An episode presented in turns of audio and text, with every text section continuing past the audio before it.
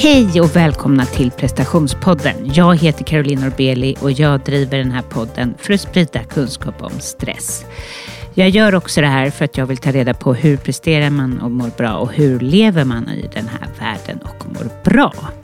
Prestationspodden har ett nyhetsbrev och eh, där skriver jag mina reflektioner men framförallt så är det mina gästers bästa tips och kanske tips om mina retreat eller annat eh, som kommer i det brevet. Så gå in på carolinnorbeli.com och signa upp.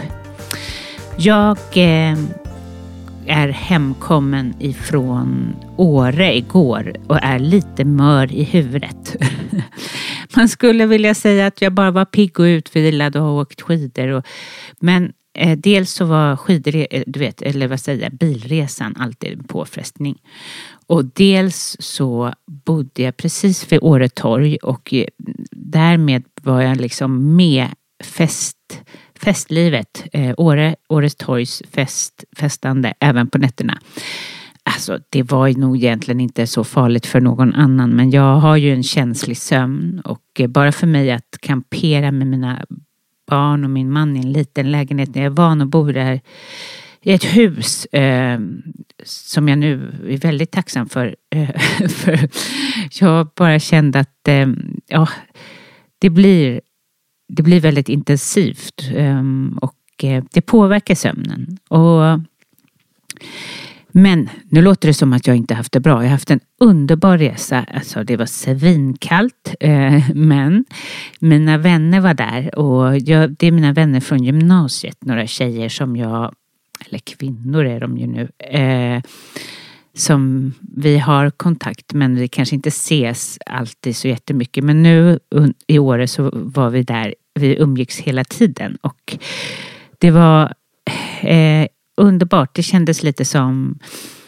eh, typ gamla, gamla tider och jag kan säga att mitt förra år eh, så har jag varit lite jag har inte kunnat ta in riktigt vänner eller någonting utan det har varit jobbet och det har varit eh, liksom 2023 och allt vad det tog eh, vad det var. Men av någon anledning så har jag känt att mitt hjärta inte varit riktigt öppet. Och det låter ju det låter inte bra. Men jag nu men nu är jag så glad för nu är hjärtat tillbaka och jag bara kände sån otrolig kärlek till dem och det gjorde ju att jag fått sån, så mycket ut av att ha, få vara med dem.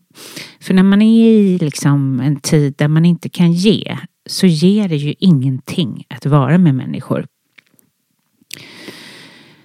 Mm, ja, jag är glad. 2024 och, och hjärtat är, är öppet helt enkelt. Men eh, jag reflekterar lite grann över det här jag pratar kring nyhetsritual och jag är ju väldigt mycket för sånt och sätta mål och sådär. Jag tror att det kommer väldigt mycket av att vara egenföretagare och mitt största intresse hur man kan skapa förändring. Men, men jag tänker också så här, för att folk blir ju nedlusade med det just nu och du som lyssnar kanske är mer i behov av att göra mindre att du inte ska tro att den här ritualen till exempel ska handla bara om att du ska göra mer och uppnå mer utan du har kanske alldeles för mycket. Du kanske eh, borde se över ditt, ditt liv och, och, kanske ta hjälp av någon vän eller eh, någon som kan se vad som skulle behöva tas bort. Det kanske är så att du eh, gör för mycket umgås med för många, umgås med fel människor. Alltså, är inte det befriande? 2024, vad kan vi bara ta bort? Vad kan bli mindre? Men för dig som är intresserad av att skapa förändring och, och, och, uppnå mål så tänker jag också en grej som jag inte gick in på så mycket men alltså jag pratade ju om hur man pratar pratar med sig själv. Så har du inte lyssnat på det avsnittet kan du gå och göra det. Men, men alltså det förra avsnittet, nyårsritual. Men eh, jag pratar ju om hur man, att vikten av att prata, ha ett bra, liksom positivt positiva tankar och säga positiva saker för att höja energin för att kunna skapa förändringen. Och, och eh, det handlar också, vill jag lägga till, eh, för att det är någonting jag har reflekterat över, hur vi pratar om andra. Det är så lätt när man är trött och när inte saker och ting går ens väg till exempel att även vara kritisk till andra. Och jag tänker om du börjar med att vara accepterade till andra, vad som än händer.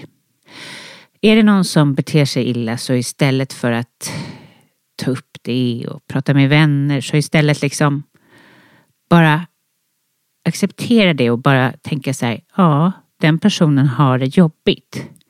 Ja, annars skulle den inte bete sig så. Alltså, det låter ju som att man ska bli Moder Teresa och jag förstår att i alla fall kan man inte göra det. Och jag behöver också öva på det här, det jag pratar om nu.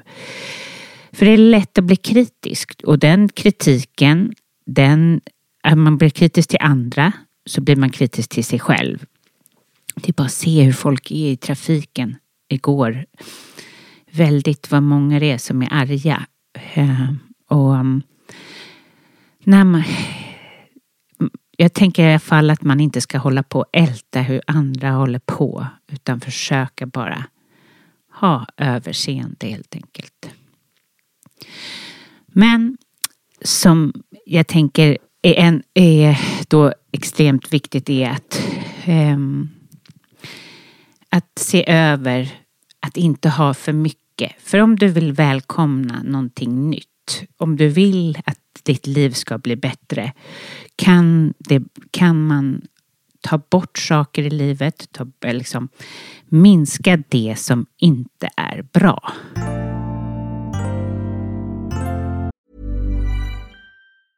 Hej, jag Ryan Reynolds. Recently, I asked Mint Mobiles legal team if big wireless companies are allowed to raise prices due to inflation. They said yes. And then when I asked if raising prices technically violates those onerous two-year contracts, they said, what the f*** are you talking about, you insane Hollywood ass?" So to recap, we're cutting the price of Mint Unlimited from $30 a month to just $15 a month. Give it a try at mintmobile.com slash switch. $45 up front for three months plus taxes and fees. Promo for new customers for limited time. Unlimited more than 40 gigabytes per month. Slows. Full terms at mintmobile.com. Hey, it's Danny Pellegrino from Everything Iconic. Ready to upgrade your style game without blowing your budget? Check out Quince. They've got all the good stuff, shirts and polos, activewear, and fine leather goods, all at 50 to 80% less than other high-end brands. And the best part? They're all about safe, ethical, and responsible manufacturing. Get that luxury vibe without the luxury price tag. Hit up quince.com slash upgrade for free shipping and 365-day returns on your next order. That's quince.com slash upgrade. Quality sleep is essential. That's why the Sleep Number Smart Bed is designed for your ever-evolving sleep needs. Need a bed that's firmer or softer on either side? Helps you sleep at a comfortable temperature? Sleep Number Smart Beds let you individualize your comfort so you sleep better together. JD Power ranks Sleep Number number 1 in customer satisfaction with mattresses purchased in-store. And now, save 50% on the Sleep Number limited edition Smart Bed for a limited time. For JD Power 2023 award information, visit jdpower.com/awards. Only at a Sleep Number store or sleepnumber.com. Hi, I'm Daniel, founder of Pretty Litter. Cats and cat owners deserve better than any old-fashioned litter. That's why I teamed up with scientists and veterinarians to create Pretty Litter. Its innovative crystal formula has superior odor control and weighs up to 80% less than clay litter. Pretty Litter even monitors health by changing colors to help detect early signs of potential illness. It's the world's smartest kitty litter. Go to prettylitter.com and use code ACAST for 20% off your first order and a free cat toy. Terms and conditions apply. See site for details.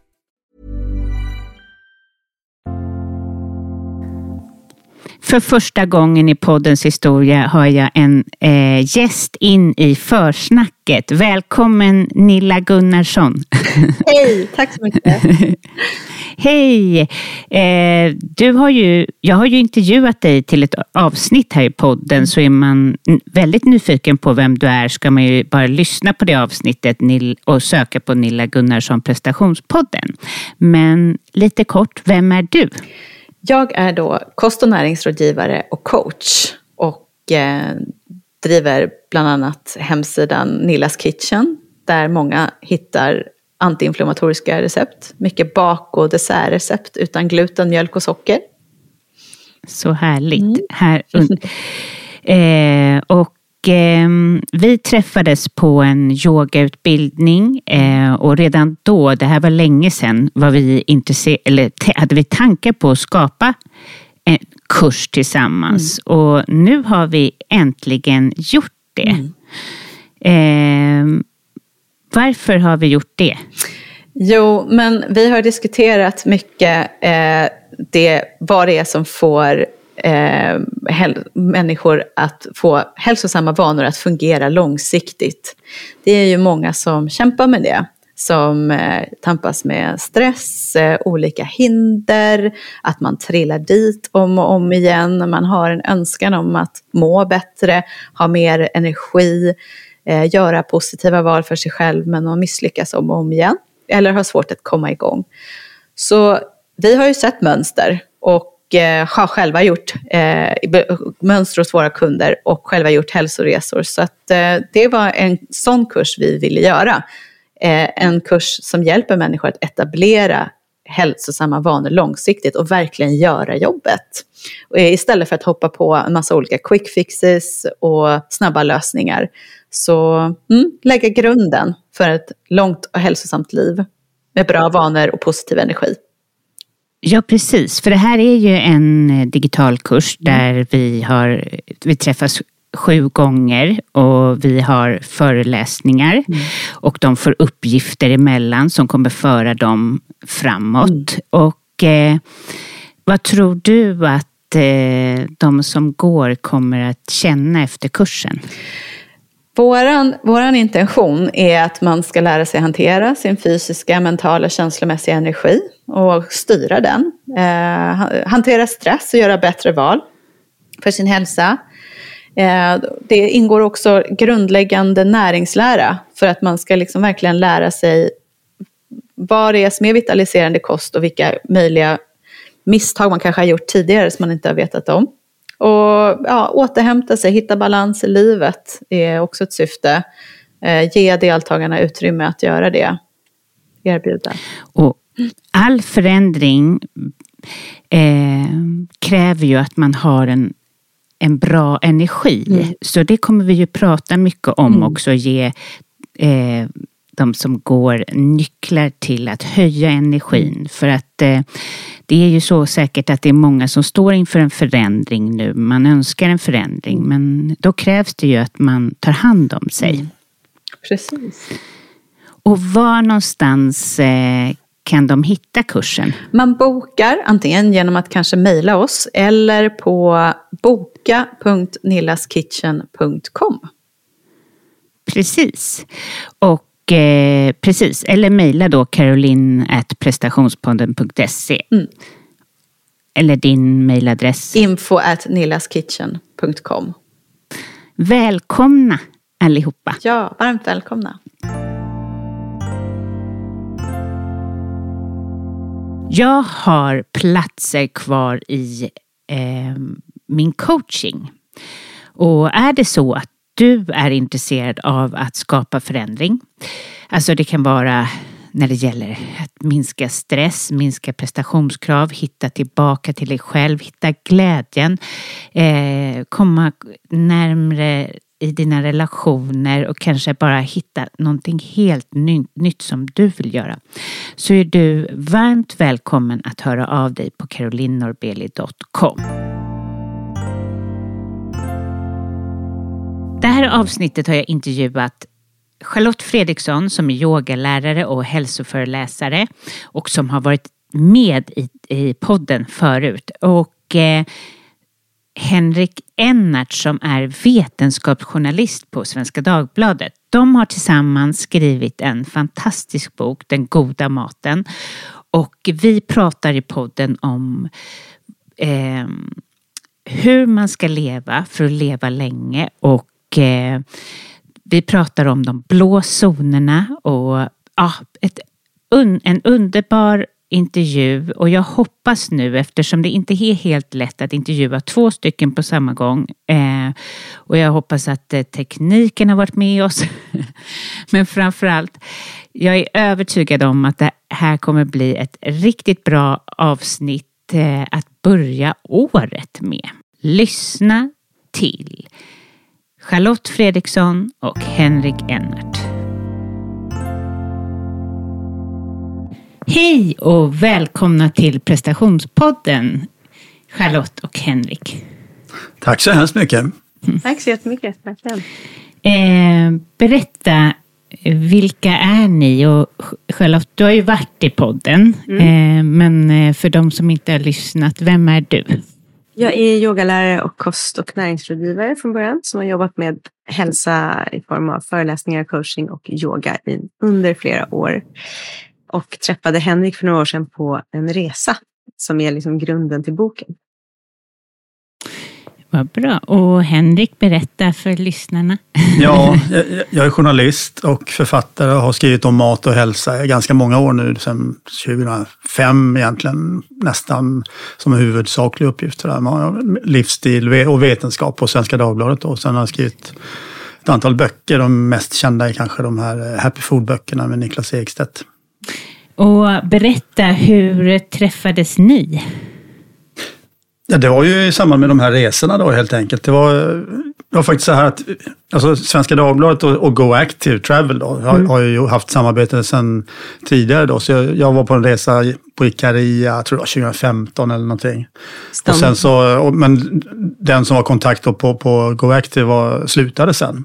Och sen så, ja, sen kan ju du berätta om Ja, sen började hände. jag på Go Active Travel 2018 och eh, tyckte att allt det här med blåzoner var väldigt intressant. Och då kontaktade jag Henrik igen och frågade om vi inte skulle ta upp den typen av resa som hade hetat Åldrandets gåta då redan 2016. Och då gjorde vi det, men vi hittade en ännu mer spännande ort som heter Cilento och en stad som heter Acciaroli. Så att resan gick dit istället för, en, för, istället för till en av de mest liksom, fem kända blåzonerna. Och det blev väldigt populärt resmål, fulla resor och dessutom så träffade vi då de här forskarna som vi sedan inledde det här forskningsprojektet med. Så på den vägen är det och därav boken.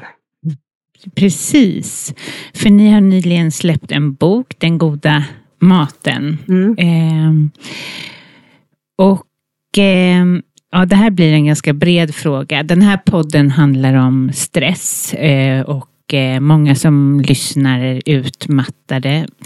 Eh, om vi, hur lever de jämfört med oss? Alltså, vad är största skillnaden på hur de lever i Silento eller hur vi? Om jag ska börja så, så eh, tror jag att en viktig skillnad med alla de här blåzonerna och, och, framför, och inte minst då Cilento, det är ju det, är det här att man man, man lever efter naturen, man lever efter solen, man lever, man, alltså nästan alla odlar ju själva.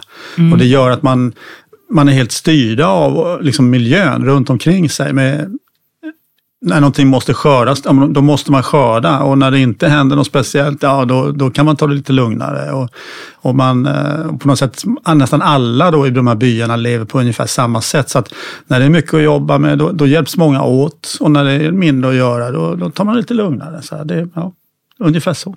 Men det är ju, just när vi har varit där så har man ju också känt the slow life. Det är ett annat tempo, det är mindre folk runt omkring, det är mindre liksom, pip och appar och datorer. Jag vet, det, det, är en annan typ av känsla som jag tror också gör att man blir mindre stressad där. Mm. Ja, jag förstår. Ehm, och eh, berätta för lyssnarna, vad är en blå zon? Ja, det är ett område, det finns fem utnämnda blåzoner i världen och eh, de områdena har forskarna då sett har väldigt hög medellivslängd och väldigt få sjukdomar, hjärt och kärl, diabetes typ 2, en del cancersorter och Dessutom så verkar de vara väldigt lyckliga, eller mer, mer lyckliga kanske än genomsnittet. Ehm, och då har man jämfört de här fem blå zonerna. De ligger i Okinawa, Japan, Nicoya-halvön i eh, Costa Rica, eh, Sardinien i Italien, Ikaria i Grekland och Loma Linda i Kalifornien.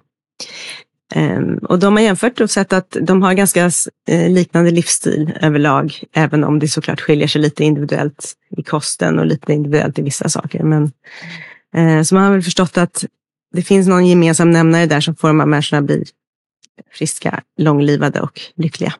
Men hur skiljer de sig åt? Ja, alltså om man tittar på till exempel maten så är det ju, det som är gemensamt det är ju att det, inte, det är som jag sa tidigare, att man odlar mycket sin egen mat och man, man, man äter väldigt mycket färsk mat. Det, från början har det inte funnits några snabbköp eller processad mat, liksom tillsatt socker, den typen av tillsatser. Men däremot så, så kan det vara helt olika typer av råvaror. Det kan, eh, och det kan också vara en helt olika balans om man tänker mellan fett och kolhydrater. Och så, så att, som på Okinawa till exempel, jag har ju besökt alla de här blåzonerna faktiskt och, och flera, flera gånger. Och på Okinawa, det är ju en väldigt låg kalori och låg fettkost. Medan eh, Chilent och Ikaria till exempel, grekiska där är det, ju, det är en hög fettkost med, med väldigt mycket olivolja. Då. Så det, det, kan variera ganska mycket så när det gäller de här liksom makronäringsämnena. Då. Annars är det ganska stora likheter med att man äter väldigt varierat mycket från vegetabil, växt, väldigt växtbaserat i huvudsak. Mm. Men om vi fokuserar på, hur säger ni det, eller hur säger de det? Chilento. Chilento. Det, det är inte helt eh, tydligt när man läser det. Men vad, vad, vad, är det de äter där? Ja, ja alltså grunden i medelhavskosten, det är ju egentligen de här eh, som man går tillbaka till antiken med olivoljan, med, med liksom vetebrödet och, och, eh, och eh, vinet. Men sen är det ju inte bara det, utan det är ju då dessutom då väldigt mycket liksom växt, vegetabil, väldigt mycket örter. Man, traditionellt man har liksom plockat vilda örter väldigt mycket. Och sen, så, sen är det ju många, många sådana grönsaker då som, man, som har kommit till genom årens lopp. Då, aubergine, eh, tomat, liksom alla de här. Kronärtskocka. Mm. Det är en stor variation av mycket Mm. Mycket grönsaker. Eh, och sen är det i kombination med då det här vita brödet som i och för sig är bakat på andra sorter än det vi äter här hemma oftast. Och eh, även pastan som är lite annorlunda med densitet och fibrer i än vad den vi äter vanligast här hemma. Eh, men jag tror kombinationen av just den stora variationen av grönsakerna ihop med den liksom ändå Ja, det är inte en jättestor portion pasta, den lilla mängden. Och sen så toppas det med lite ost och ägg och ibland mm. kött och fisk. Mm. Men här så florerar det ju så här, du ska inte äta gluten. Mm. Du, eh, men har de hört talas om det på något sätt? Alltså jag tror att det, det är viktigt att se det här, alltså, som du har sagt, med att man har, liksom, man har man äter det här brödet så är det ju surdegsjäsning och det är långt, det är inte, det är ja. inte en och en halv timme som på, på snabb, Nej. där man köper surdegsbrödet i, eh, i snabbköpet ofta utan det är många timmar. Va? Och, då, och då bryts ju de här gliadinerna som det heter, som kan ställa till besvär, det är ju inte allt gluten utan vissa gliadiner, då bryts ju de ner så att man får ju ett mindre tryck. Och sen så Sen tror jag överlag att man har ju ätit, det är som du säger också äldre sorter, det är med lite annan uppsättning gliadiner då. Det, så att det, det, det är många saker som har liksom blivit faktiskt sämre genom att vi äter så ensidigt idag. Man har ätit mycket mer varierat förr i tiden och brödet för dem var ju liksom, det var ju en sak men man har ätit så mycket annat också hela tiden. Mm. Och sen är det ju ett, eh, i och med att det är grövre mjölsorter så är det ju också långsammare upptag, vilket gör att blodsockerstegringen blir inte lika påtaglig. Och då blir det också mer hälsosamt att äta den typen av bröd än det finmalda vetemjölet som vi äter mer av här hemma.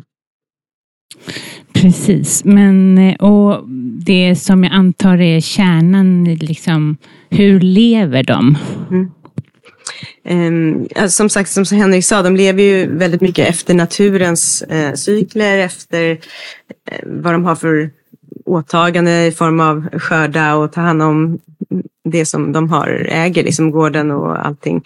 Ehm, men sen lever de också väldigt nära sina familjer. Vi besökte många familjer där verkligen nonnan är i köket, så som man har beskrivit i Italien många gånger. Men, men också att de lever i flera generationer, alla hjälper till.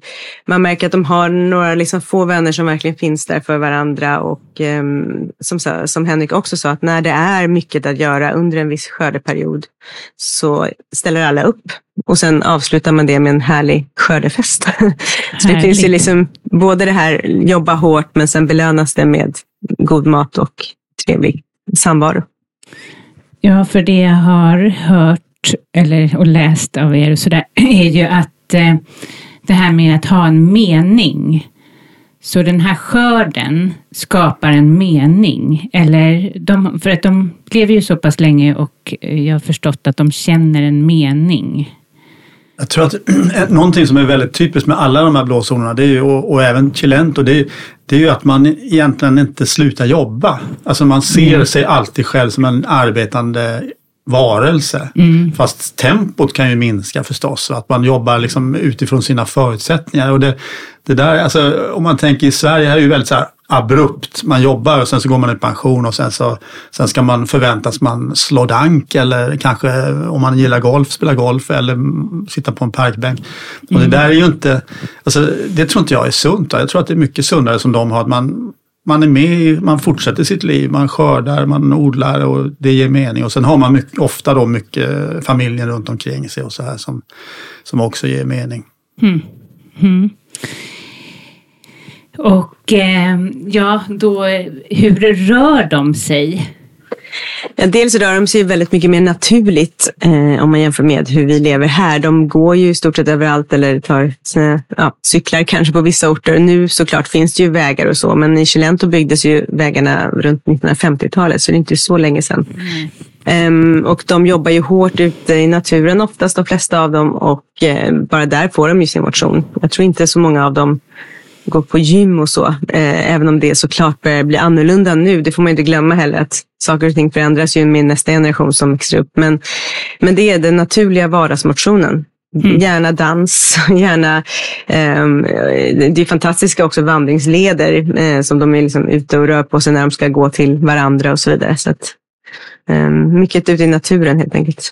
Sen, ska, sen var det ju ett hårt liv. Alltså, man, man, får lite, man ska inte romantisera för mycket heller den här liksom tillvaron för att det var ju en tuff tillvaro. Men, mm. men man, den var ju ändå på många sätt sund. Va? Så att det, man, det var ju egentligen bara de rikaste som hade råd med en åsna utan man fick ju bära själv. Och, menar, vi har ju träffat här, eh, 90-åriga män som håller på på terrassodlingarna och klättrar upp och mm. ner. Alltså det är ju, det är ju fysiskt krävande verkligen. Och de här fiskarna som mm. förr i tiden de fick ju bära upp kanske då hela sin fångst upp för berget och upp till byarna som ligger fyra, på 400-500 meters höjd. Så det var ju riktigt hårt, va? Det, det var det. Men däremellan så kunde de också ta det ganska lugnt. Va? Så det, är ju, det var ju liksom på eller av på något sätt. Mm. För här är det ju lite så att man tänker, ska jag, man ska styrketräna får man höra. Eh, ska jag springa intervaller? Eh, ska jag yoga? Eh, vi har inte en lika självklar utan det jag vill komma till är att även hälsa då kan bli ganska stressfylld för dagens mm. Mm. människa som lever här.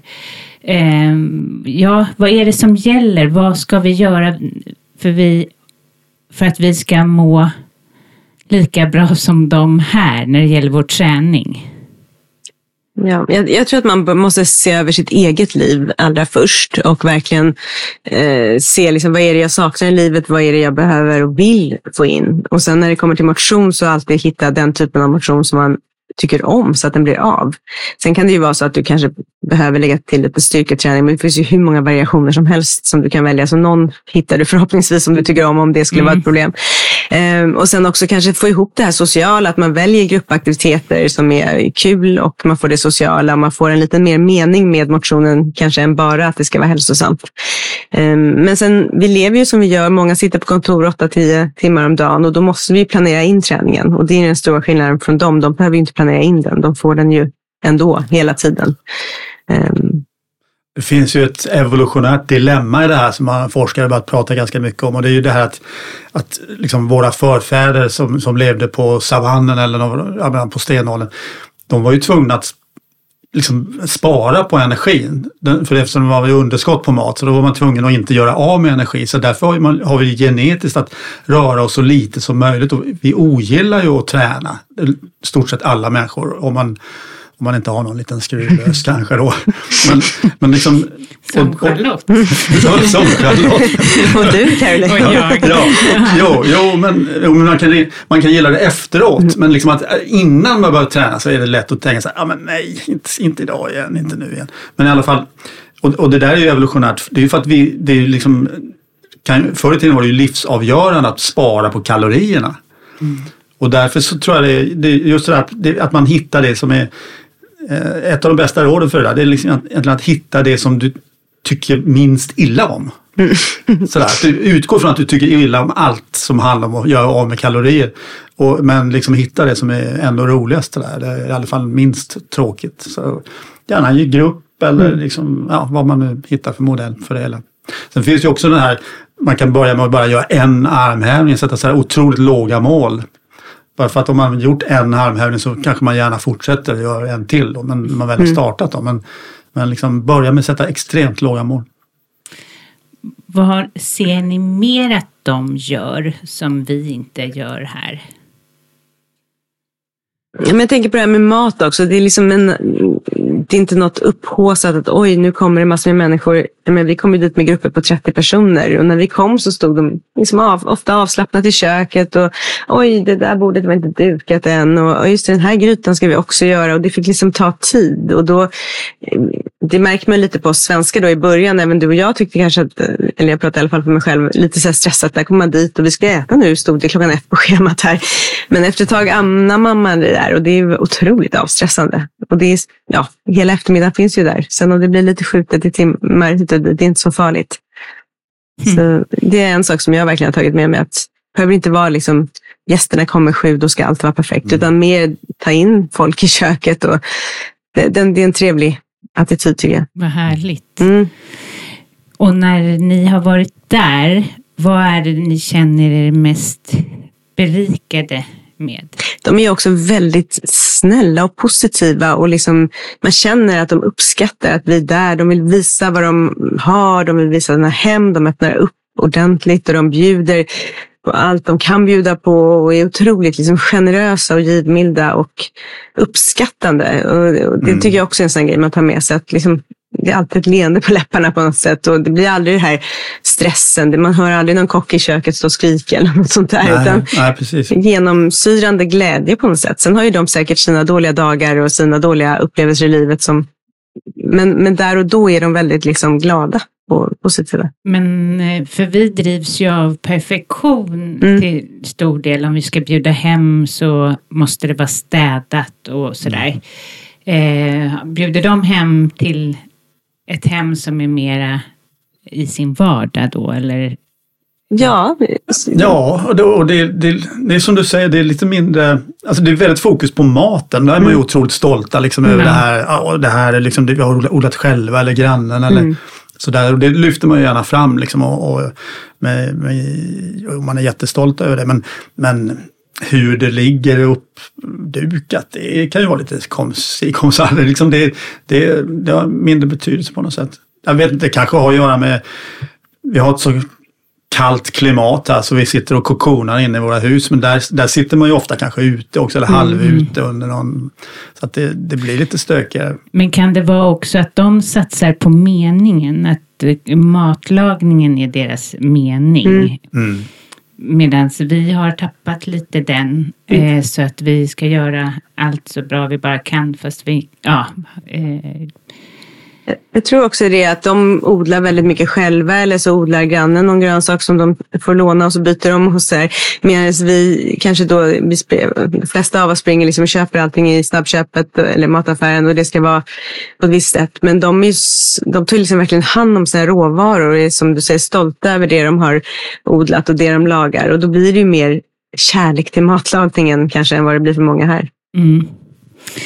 Ja, vad härligt det låter. Eh, men har ni med tanke då på stress ehm, um, och hur vi stressar. Jag förstår att de inte kanske är stressade, men har ni sett, har de oro?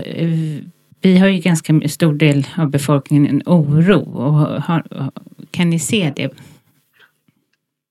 Alltså, jag, jag, tror, jag tror att Alltså, man, ska, man ska ju se, ha klart för sig att vissa av de här områdena, menar, i södra Italien, de har maffia. De har, alltså det, det är ingen lek där nere. Det, det, och så är det på många av de här platserna att det, det har varit fattigt men det har kanske inte varit så det har inte varit svältfattigt som man säger Nej. så. Va? Men man, man har fått kämpa för tillvaron och sådär. Så att det, jag får nog en känsla av att det är det som har, har dominerat. Sen, sen har man ju jag vet inte vilken roll religionen spelar, för det är klart att det, det är mycket mer religion. Katol, mm. I Italien, i södra Italien, det är mycket katolska kyrkan och, och, och liksom eh, det är klart att sånt där kan ju sätta spår jag menar, i den här boken, vi har ju till exempel intervjuat eh, äldre kvinnor då, som berättar hur man växte upp på den tiden och nästan var inlåsta av sina fäder. Liksom. De fick inte träffa killar och så här. Så mm.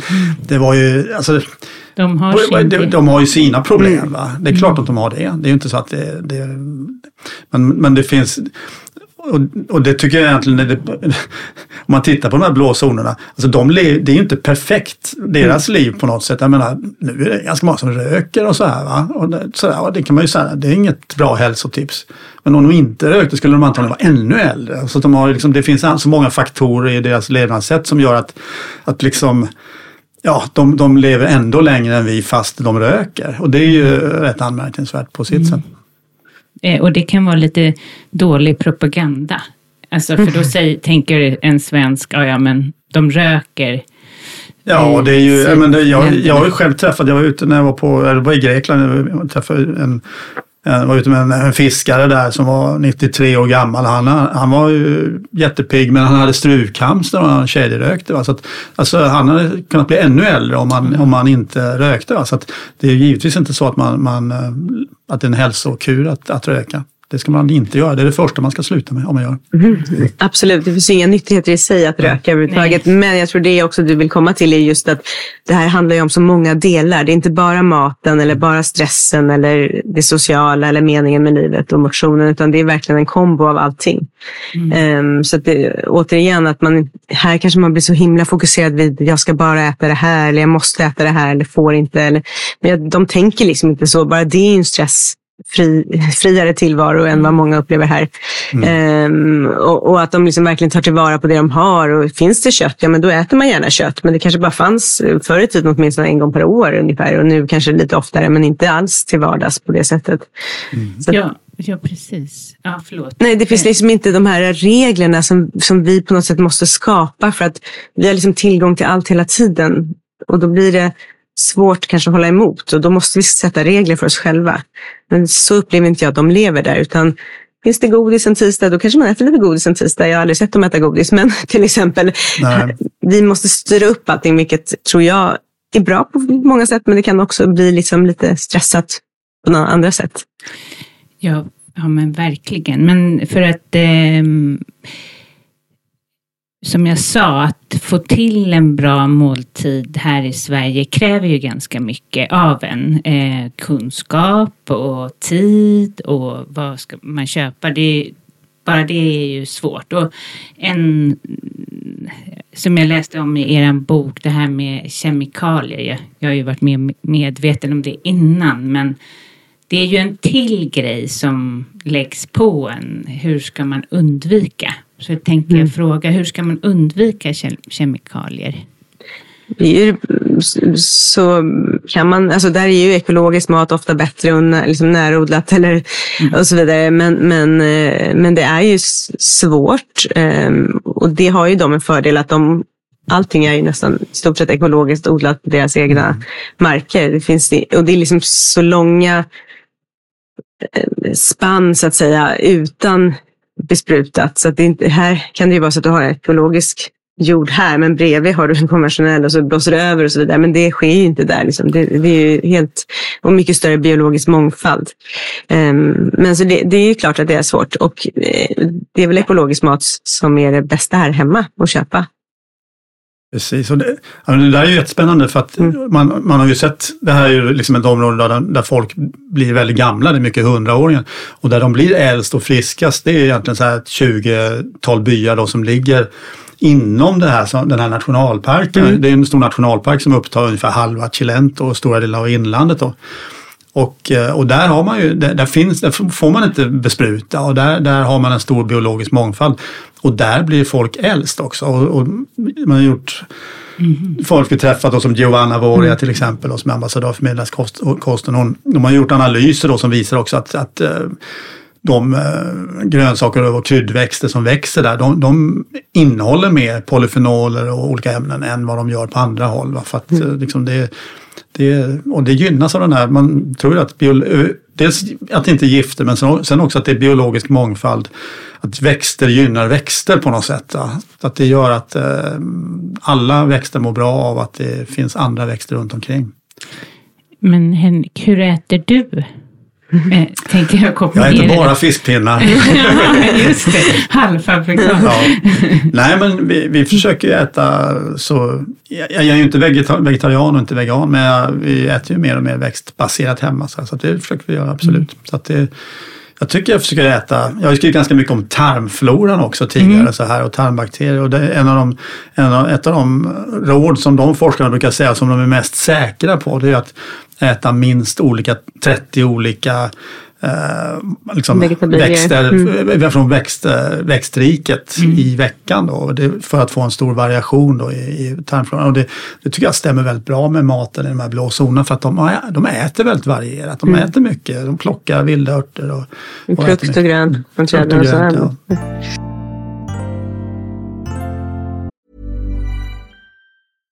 Ever catch yourself eating the same flavorless dinner three days in a row?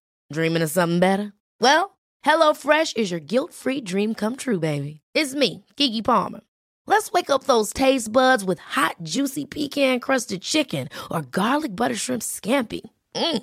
Hello Fresh. Stop dreaming of all the delicious possibilities and dig in at HelloFresh.com. Let's get this dinner party started. One size fits all seemed like a good idea for clothes. Nice dress. Uh, it's a it's a t-shirt. Until you tried it on. Same goes for your healthcare. That's why United Healthcare offers a variety of flexible, budget-friendly coverage for medical, vision, dental, and more. So whether you're between jobs, coming off a parent's plan, or even missed open enrollment, you can find the plan that fits you best. Find out more about United Healthcare coverage at uh1.com. That's uh1.com. Many of us have those stubborn pounds that seem impossible to lose, no matter how good we eat or how hard we work out. My solution is PlushCare. PlushCare is a leading telehealth provider with doctors who are there for you day and night to partner with you in your weight loss journey. They can prescribe FDA-approved weight loss medications like Wagovi and Zepbound for those who qualify. Plus, they accept most insurance plans. To get started, visit plushcare.com slash weight loss. That's plushcare.com slash weight loss. Okej, okay, eh, men jag läste i er bok att eh, ett citat tror jag det var att eh, vi har alltid varit mer, eller vi har alltid varit aktiva men aldrig stressade. Ja, precis. Det var en kvinna vi träffade. Eh, och det känner vi stämmer överens med väldigt många som vi träffade. Att de, har liksom, allt, de är aktiva, håller igång långt upp i åldern, men upplever kanske mindre stress eller kommer liksom inte till de här stresspikarna som jag upplever att vi har på samma sätt. Ja, det, det är härligt. Det mm. kanske är deras rörelse, men är de också troende?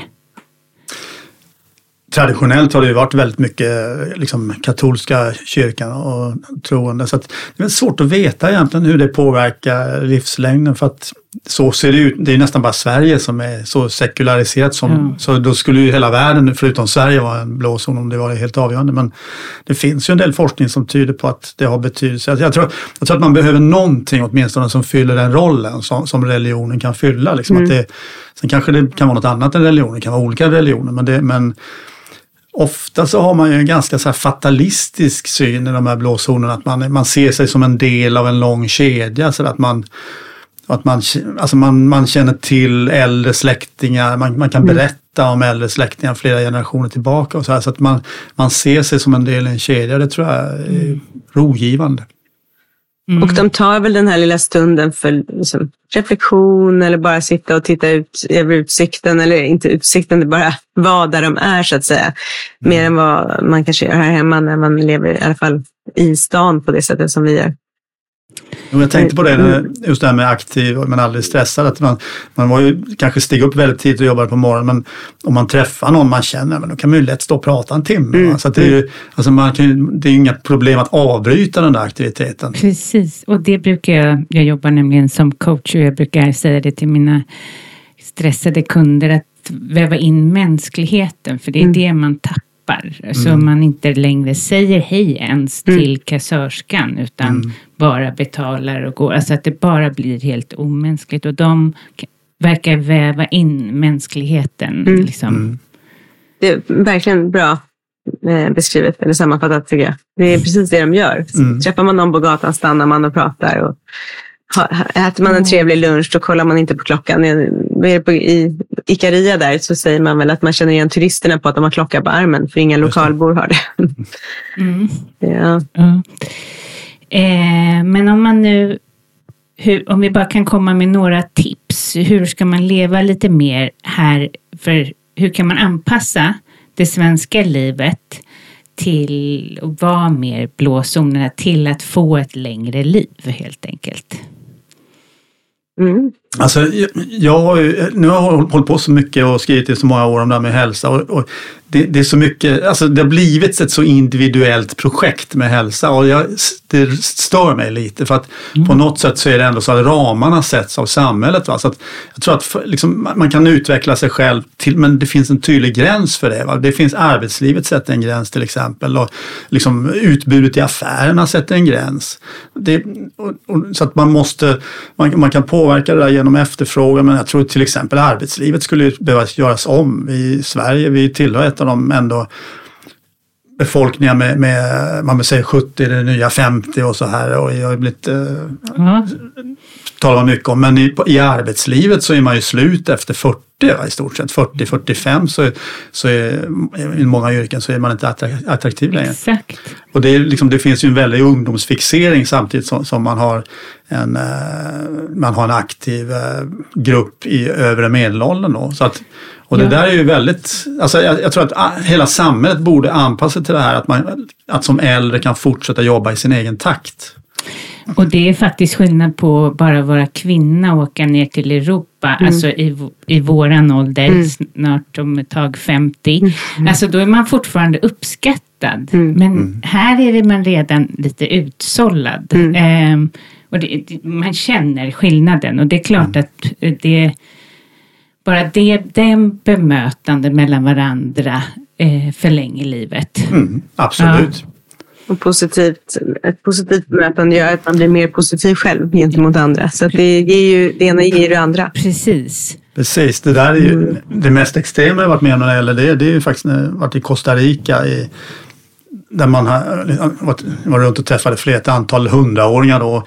Och liksom, ja, där kan liksom 105-åriga damer börja stöta på en. Liksom. Det tycker jag är rätt skönt. Gud vad härligt. Ja, men det är rätt skönt liksom, att man ser sig som ett, liksom, man ser sig som ett, liksom ett sexuellt subjekt. I, ja, oavsett ålder, liksom. ända upp i liksom, ja.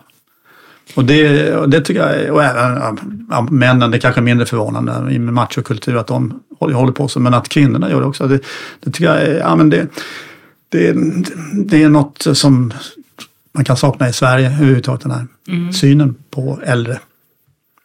Mm. Men ni har ju fantastiska recept i den här boken. Ehm, berätta lite kring det. Hur, det måste varit ett jättearbete.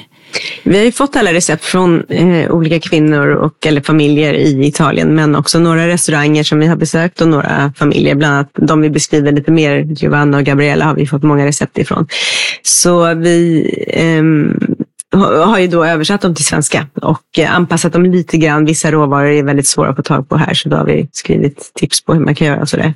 Eh, men det, det som det handlar om, återigen, är ju att ge recepten tid. Och har du väl lagat det en, två gånger, då kan du, det är inte så svåra recept egentligen, men som med alla recept så är det alltid svårt första gången.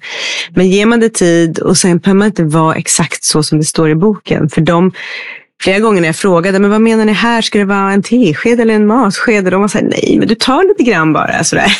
Så att man, man måste liksom också få vara lite fri i sin matlagning. Och ja, har du inte det hemma kanske du byter ut mot det och det går lika bra det. Så att eh, man får liksom lära sig också vara lite kreativ i det.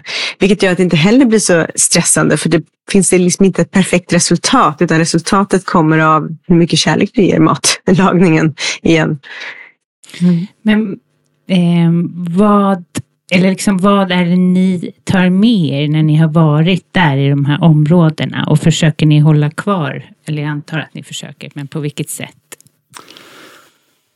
Jag tror att en sak som är viktig att tänka på det är att det inte bara är en sak. Det är inte bara maten eller det är inte bara motionen. Utan det är, det är liksom hela, all, hela liksom, även sociala relationer. Det här som du var inne på med mål och mening. Att det, även miljön, alltså, det är väldigt frisk luft, det är mm. vackra platser. Liksom, att man, hela det här att kunna liksom, ja, leva mer i nuet som man gör. Liksom, mm. det, det, är egentligen hela det här kittet. Va? Det, att, det var en, jag brukar säga så här att när jag gick i skolan så hade jag, så hade jag så här femgradig betygsskala. Och att eh, liksom fem var bäst och ett var, ett var sämst. Då. Men, men liksom man behöver liksom, i Sverige så blir det lätt att man siktar på att jag ska vara bäst på mat, jag ska ha femma i mat. Men man kanske inte träffar sina ungar särskilt mycket eller man, man liksom ägnar sig inte mycket tid åt familjen. Och det, jag tror det är mycket bättre att ha en trea i alla ämnen. Liksom. Så man liksom inte, det, det är bättre att kapa det som man är sämst på. Det tror jag faktiskt är ett bra tips. Att man, Eh, sover man dåligt och äter hyfsat och motionerar lite grann så då, då är det kanske sömnen man ska tänka på. Eller om man inte märker att man inte ägnat sin tid så mycket åt familjen, då får man liksom satsa energin där. Mm. Jag hade en, fick en, en, stark uppenbarelse och upplevelse. Det var när vi bodde hos Giovanna i um, Kikärtornas dal. För där fanns det absolut ingen connection, så vi kunde inte ens smsa. Och det var en tystnad och en stressfri tillvaro som jag faktiskt aldrig eller jag kan inte minnas att jag upplevt i alla fall. Um, och då kände jag direkt när vi kom liksom ut därifrån när det började pipa allas telefoner. Och, oh, oj, har ni sett vad som hänt i världen? Och liksom, mm. Då tänkte jag så här, gud vad vi matas. Man vet ju om det, men man glömmer liksom bort det. Det är så självklart. Men där blev det så tydligt att det här är ju otroligt påfrestande egentligen. Det är ju det. Så eh, jag försöker, jag är inte så jätteduktig, men jag försöker stänga av telefonen helt mycket oftare nu. Eller bara liksom inte ha den alltid bredvid så här, utan lägga ifrån mig. Men jag, är, jag har svårt för det. Det är svårt. Mm. Men det var en härlig upplevelse som jag ofta påminner mig om. Ja, för det var ju inte så, alltså när var det telefonerna kom? Eh, innan dess var ju vi befriade ja. på ett sätt. Ja. Men, alltså när ja. smartphones kom. Men det är väl en 10-15 år sedan ja. ungefär, 15 år sedan tror jag. Så att det, ja jag vet, det, och det har ju bara eskalerat i hur tillgänglig man är och hur allt är tillgängligt. Vilket är fantastiskt på många sätt såklart. Men jag tror att det blir lite för mycket på något sätt för att klara av. För att hinna vara i nuet och umgås in real life och allt det. Ja, för att det är ju det är inget nytt. Men jag börjar tänka på det mer och mer. hur Ja, men det är ju väldigt sorgligt att ta tunnelbanan in när alla tittar i mobilen. Mm. Mm. Vi, ja. ja. Det finns ju, när det handlar om det här med mål och mening, det finns ju i Japan, på Okinawa och i hela Japan pratar man ju om, om det här med ikigai. Det är ett sätt att liksom, att liksom vad, vad, är meningen med tillvaron? Liksom, var, varför stiger jag upp ur sängen på morgonen ungefär? Eh, och där har man ju, där har man gjort studier på det där. Man kan se att eh, det man gör själv ger större till liksom, ikigai än, än om man konsumerar en upplevelse. Så att det, det, om man så till exempel just på smartphones användare då, att ja, de kan vara sysselsatta väldigt mycket då. Eller de, jag ska säga, jag är väl skyldig själv också. Mm. Men, men eh, det ger ingen särskild upp, liksom, det ger ingen mening med livet. Att hänga med allt. Alltså det blir bara blankt när man lägger ifrån sig. Medan om man själv gör någonting, vad som helst, man hugger ved eller man, man, man målar något eller, eller keramik eller vad som helst. Så upplever man större meningsfullhet. Och det, det tror jag, jag har en känsla nu när det kommer AI och allting, liksom allting blir mer Liksom på något sätt, allting blir mer plastiskt på något sätt mm. runt omkring oss och då tror jag det kommer liksom bli det här att göra själv. Mm. Det, det, det, är definitivt någonting som kommer att bli en bristvara. Liksom. Ett, en längtan. En mm. längtan. Mm. Ja, ja. Mm. Men om eh, de som lyssnar vill eh, köpa er fantastiska bok, den är också väldigt fin och mm. snygg och ja, fina bilder. Ja, vad eh, kul. Ja, och de här recepten är ju jättevärdefulla. Mm. Var hittar man den? Den finns i alla bokhandlar och på ja. nätet. Bokus och mm. Akademibokhandeln och Adlibris. Mm. Den goda maten. Ja, den goda maten. Mm. Medelhavets smakar livsstil och hemligheten bakom friskt åldrande i hela Ja, vad ja. roligt. Tack snälla för att ni kom till prestationspodden. Superhärligt att ha dig här igen och ha dig här för första gången här. Tack så jättemycket. Have catch yourself eating the same flavorless dinner three days in a row? Dreaming of something better? Well, hello fresh is your guilt free dream come true baby. It's me, Gigi Palmer. Let's wake up those taste buds with hot, juicy pecan crusted chicken or garlic butter shrimp scampi. Mm. Hello Fresh. Stop dreaming of all the delicious possibilities and dig in at HelloFresh.com. Let's get this dinner party started.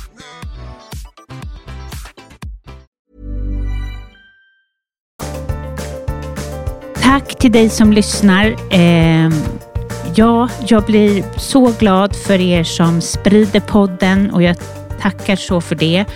Men eh, vill du göra podden en tjänst eller mig en tjänst så gå in på där du lyssnar ifrån, alltså appen du lyssnar ifrån och så går in och scrollar ner och lämnar en recension. Alltså, jag blir så glad för det. Men eh, ja, ha en jättehärlig vecka. Vi hörs